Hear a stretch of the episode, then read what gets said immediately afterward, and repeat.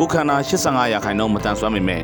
စီယိုနယ်ရိုနဲ့မက်ဆီပုံတူပကြီးကားတွေရေးဆွဲရင်းနာမည်ကျော်ခဲ့တဲ့အီရန်နိုင်ငံသူဖာတီမီ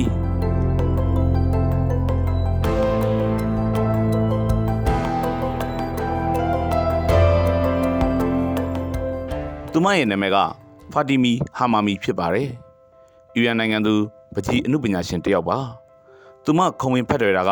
ပကြီးရေးဆွဲမှုပါပဲ။ပကြီးရေးဆွဲနေရတာဟာ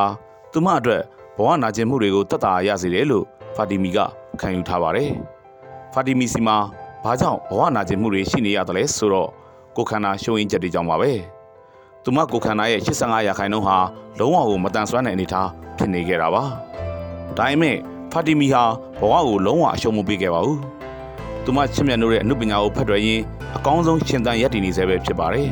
။ဖာတီမီဟာသူမရဲ့ခြေချောင်းလေးတွေကိုအသုံးပြုပြီးပကြီးကားရေးဆွဲတာပါ။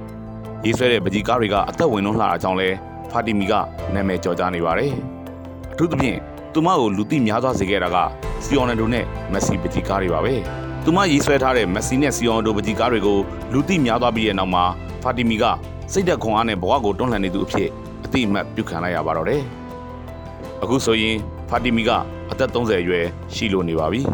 ။ဖာတီမီဟာကိုရင်ကားတွေမတန်ဆွမ်းပေမဲ့ သူမရဲ့စိတ်ကူးအိမ်မက်ဖြစ်တဲ့ပကြီးဆီယာမတစ်ယောက်ဖြစ်ရက်တီခွင့်ရနိုင်မှုကိုဘယ်တော့မှလက်မလျှော့ခဲ့ပါဘူး။အဲဒါကြောင့်ပဲအသက်16နှစ်အရွယ်မှာတင်သူမရဲ့ပါရမီကိုထုတ်ဖော်ပြသခွင့်ရရှိလိုက်ပါတယ်။ဖာတီမီဟာပကြီးပညာကိုအယူအမှုဆွဲလန်းနှိမ့်ချိုက်သူတစ်ယောက်ဖြစ်တယ်ဆိုတာကိုလူအများသိရှိသွားပြီးတဲ့နောက်မှာပံ့ပိုးကူညီမှုတွေကိုလည်းသူမကရရှိလာခဲ့ပါတယ်။ဖာတီမီကပကြီးကားတွေကိုရှီတော့နဲ့ရေးဆွဲတာပါ။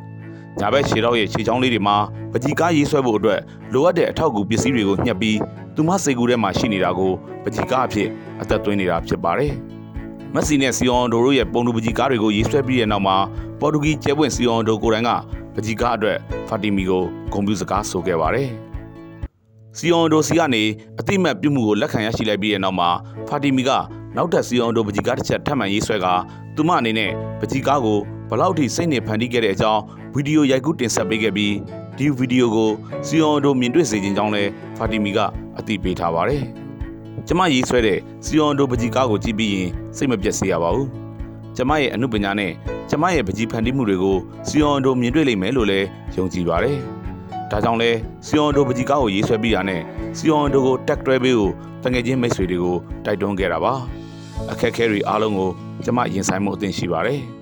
ပန်းနိုင်ရောက်တဲ့အထိလဲပြင်းပြင်းထန်ထန်စူးစမ်းသွားမှာပါဆိုတာကဖာတီမီရဲ့ရင်ဖွင့်စကားတန်တွေပါပဲ။ပြီးခဲ့တဲ့ဖေဖော်ဝါရီလ၁ရက်နေ့ဟာဖာတီမီရဲ့မွေးနေ့ဖြစ်ပါတယ်။သူမကိုခင်မင်သူတွေကသူမကိုလွဲမလျှော်ပဲဆက်လက်အားတင်ပြီးအမှုပညာဖန်တီးမှုတွေဆက်လုပ်ဖို့မွေးနေ့စကားဆူတောင်းပေးရင်ထဲသွင်းပြောကြားသွားခဲ့ပါတယ်။ဖာတီမီဟာအီရန်နိုင်ငံ Experience ရင်စုခိုင်တဲ့ကအေရန်ဘာဗီကိုမြို့မှာနေထိုင်ရင်းသူမရင်ဆိုင်နေရတဲ့လောကရန်တွေကိုအကျော်လှန်ပြနေစေပါပဲ စိတ်သက်ပြင်းထန်လွန်းလာသူဖာတီမီဟာမတန်ပေမဲ့လည်းသူမဘလောက်ထိစွမ်းနေဆိုတာကိုပြင်းပြတဲ့စိတ်ရသီးသားနဲ့ဖော်ထုတ်ပြသနေတာပဲဖြစ်ပါတယ်ဘလောက်ပဲဘဝကျမ်းပါစေကိုခန္ဓာရှုတ်တဲ့နေပါစေအရှုံးမပေးသူတယောက်အတွက်အနိုင်ဟာရောက်လာတတ်စမြဲဆိုတဲ့အကြောင်းဒွယ်ဝက်ရဲ့အမျိုးသမီးခန္ဓာကနေဖာတီမီရဲ့ဘဝဖြတ်သန်းနေမှုကိုမိမောင်းထုတ်ပြရင်းတင်ဆက်ပေးလိုက်ရပါတယ်ခင်ဗျာ